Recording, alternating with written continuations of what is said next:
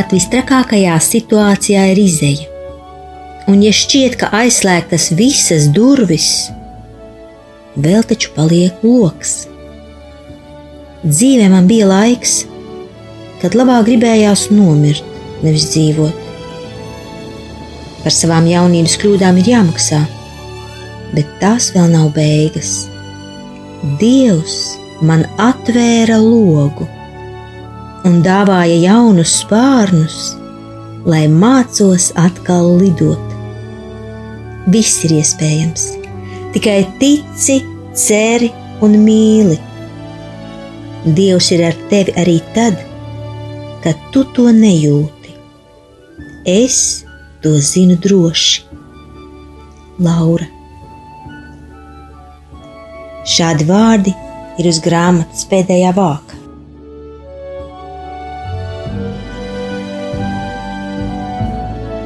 Lasīsim 18. fragment no Lauras Niedras dzīves stāsta, vai baltajiem zirgiem jāpaliek sapnī.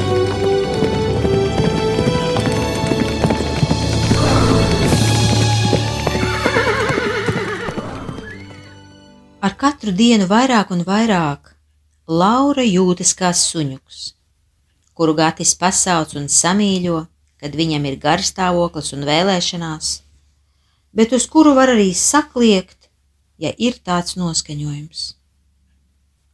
Laurai aizvien biežāk gribas pavadīt laiku ar bērniem ārpus mājas. Vakaros viņa jūtas tik nogurusi, ka meitenei trīc rokas. Tik ļoti trīc rokas, ka nespēja pat maizi trāpīt maizes kastē. Laura sāk satraukties par savu veselību, jo nesaprot, ko tas nozīmē. Viņa sarunā ar Gati, ka brauks ar bērniem uz Rīgu pie vecākiem un ies pie ārsta. Ceļš līdz Rīgai ar diviem maziem bērniem nav viegls. Un šajos lauku autobusos pat nesalocītu sēžam ratiņus nevar iestumt. Taču Laura ir apņēmības pilna. Viņa Gatim palīdzību neprasīs. Vispirms ir jābrauc 40 minūtes ar vienu autobusu, pēc tam jāsagaida vilciens un jābrauc 50 minūtes līdz Rīgai, pēc tam atkal 40 minūtes ar pilsētas autobusu līdz mājām.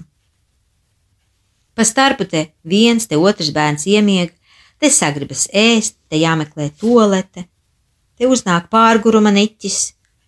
Laura jūtas kā tāda čigāniete, viena ar diviem bērniem, ratiem un vēl mugursomu. Kamēr viņa nonāk galā, meiteni gandrīz ir atstājuši pēdējie spēki. Tomēr Rīgā Lauru sagaida atpūta. Ārste nekādus komentārus nesniedz par Lauras trīcošajām rokām, varbūt pat nedaudz pakritizē, kā tik jaunai meitenei varot tā būt, un izraksta zāles, ko Laura cītīgi sāk lietot. Atlikušo nedēļu Meitene pavada Rīgā, kamēr sabatā atbrauks vīrs un aizvedīs viņus uz baznīcu. Jau ilgāku laiku meitene jūt, ka adventistu baznīca nepiepilda viņas dvēseli. Vissmagākajos dzīves brīžos Laura Allaži ir steigusies meklēt tuvāko katoļu baznīcu, kur klusumā un vienatnē izraudāt savas bēdas. Katoļu baznīcā ieejot, meiteni pārņem savāda bijība, un liela, liela mīlestība. Šķiet, ka Dievs ir tepat un raugās uz viņu un samīļo viņu.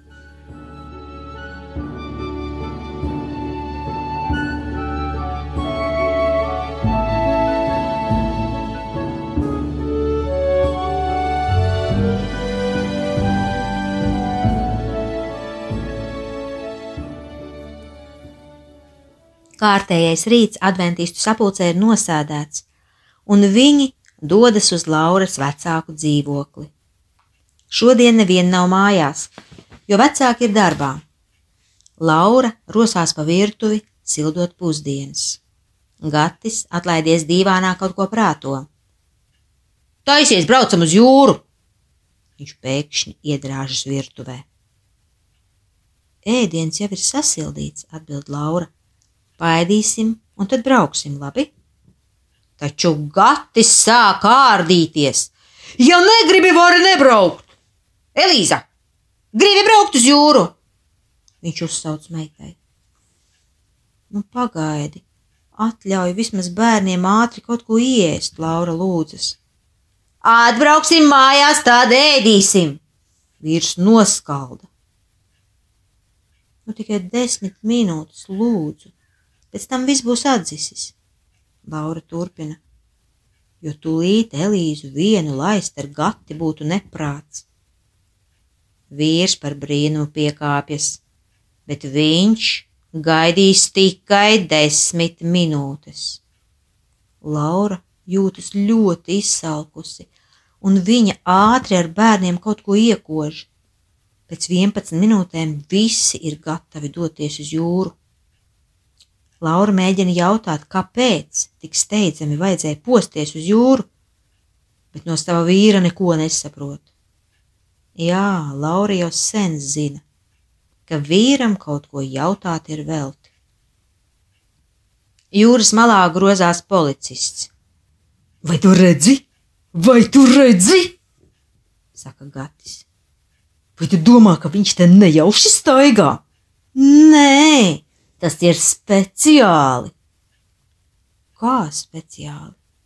Vai tad kāds varēja zināt, ka mēs tieši tagad brauksim uz jūru un tieši uz šo vietu, lai speciāli noliktu policistu? Laura nesaprot, bet Gatis tikai nošņācas. Maitas! Tad viņš paveras uz jūru un tālumā ierauga kuģi.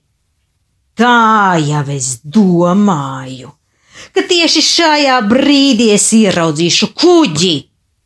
Arī tas nav nejauši. Bet Laura klusē. Viņai tas sāk izskatīties pēc kaut kāda vaiprāta. Drīz vien viņi dodas māju. Ceļa kreisajā pusē ir neliels krustojums ar zīmi ķieģelis, un zem tā stāv mašīna. Vai tu redzēji? Gatis iesaucas. Ko tad? Laura nesaprot. Ķieģeli!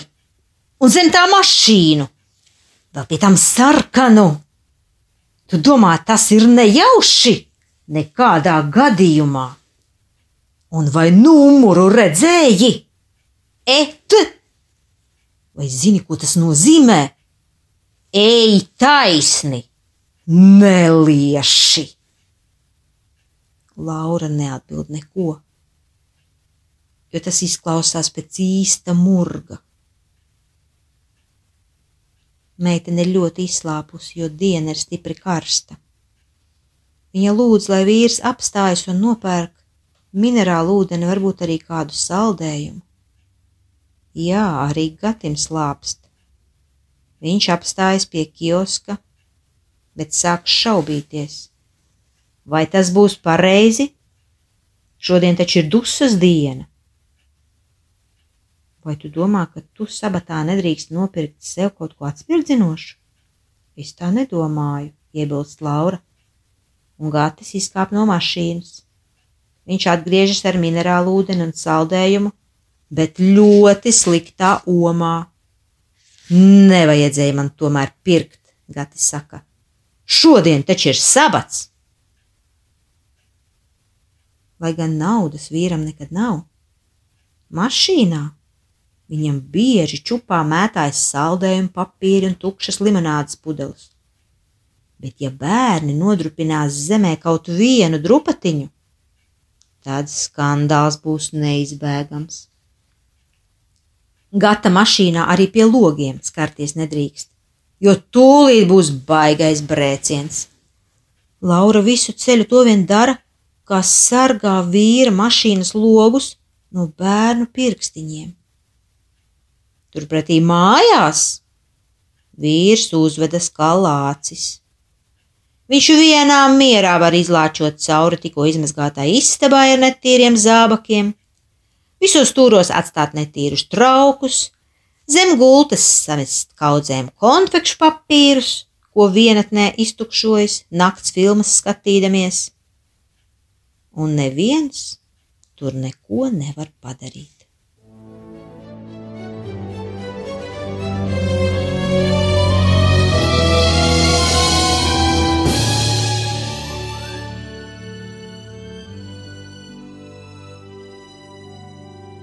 Kādu vakaru Laura atceras par kladīti, ko taču pirms pusgada iesākusi savam dēliņam Nav bijis ne laika, ne spēka kaut ko ierakstīt. Pa šo laiku Daniels kļuvis nervos un raudulīgs.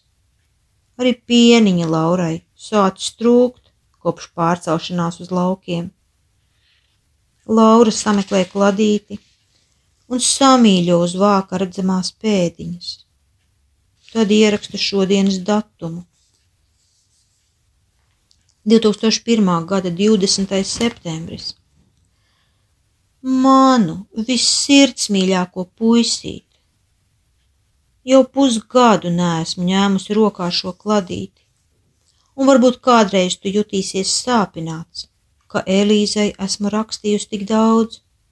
Nezinu, bet tagad kaut kā nešķiet tik svarīgi visi tie sīkumiņi. Pirmais smaids, pirmais apvēliens uz vēdera, pirmā putra. Tagad ir svarīgs tikai viens vismaigākā mīlestība, ko jūtu tev pieskaroties, tevi aijājot, tevi noglāstot. Tādu sajūtu es neatceros, auklējot Elīzu. Šī mīlestība ir kaut kāda smeldzīga, sāpoša, bet tik salda. Tavs smaids ir visgaišākais pasaulē. Jā, tu spēji nokaitināt ar savu raudāšanu, bet tur jau esmu vainīga tikai es pati.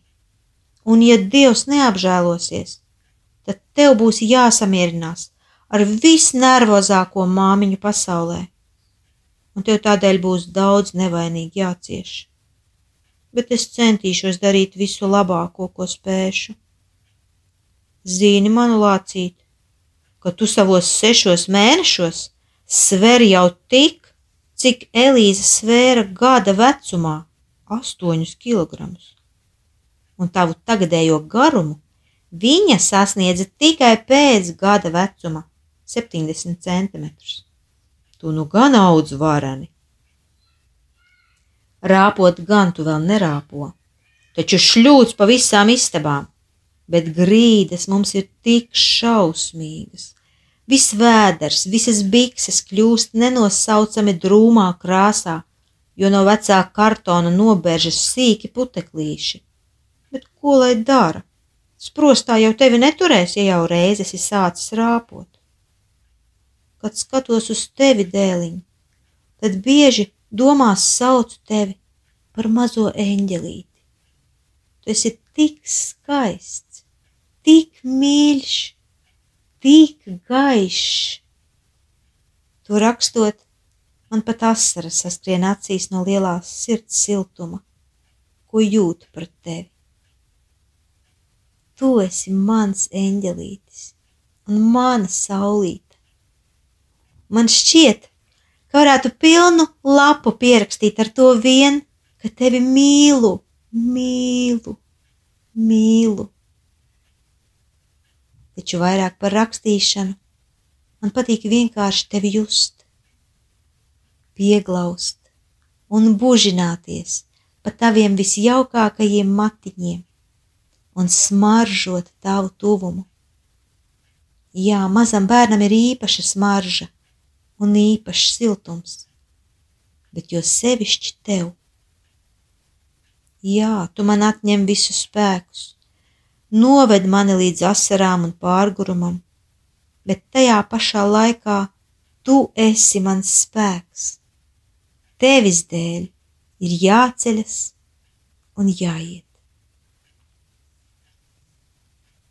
Laura aizver kladi un vēlreiz noglāsta rozā pēdiņas, kas ir uz tā vāka. Tad ar vissiltāko skatu pasaulē noglāsta savus aizmigušos mazuļus un dodas pie miera.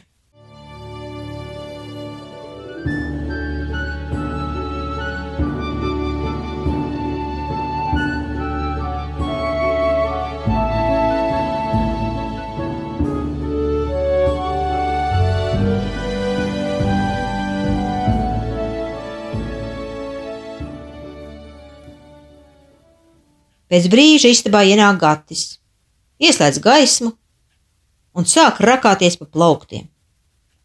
Šovakar nekā jēdzīga nav pat televizoru, viņš saka. Vēlāk paskatīšos šajā istabā kādu video. Tas Lauras trauslajam miegam ir vairāk nekā murgs. Viņa gan mēģina iebilst, ka ļoti vēls, taču vīram tas nešķiet šķērslis. Viņš ieslēdz video. Laura saka, ka viņa tad labāk iešot uz Jāņķa istabu un gulēšot uz grīdas, bet Gatis nelaiž, lai paskatoties filmu kopā ar viņu. Tā Laura vēl ir nomodā, cik spēj, tad paņem savu segu iedod ar labu nakti buču un aizšļūts uz otru istabu. Tā nav vienīgā reize, kad Laura izvēlas gulēt uz grīdas, nevis klausīties šāvienus un kliedzienus no video. Nereti viņa pārvācas uz otru istabu ar visiem mazajiem. Gulēt uz grīdas nav nemaz tik grūti. Bērniem tas šķiet pat interesanti. Tikai sirdī paliek dziļas skumjas.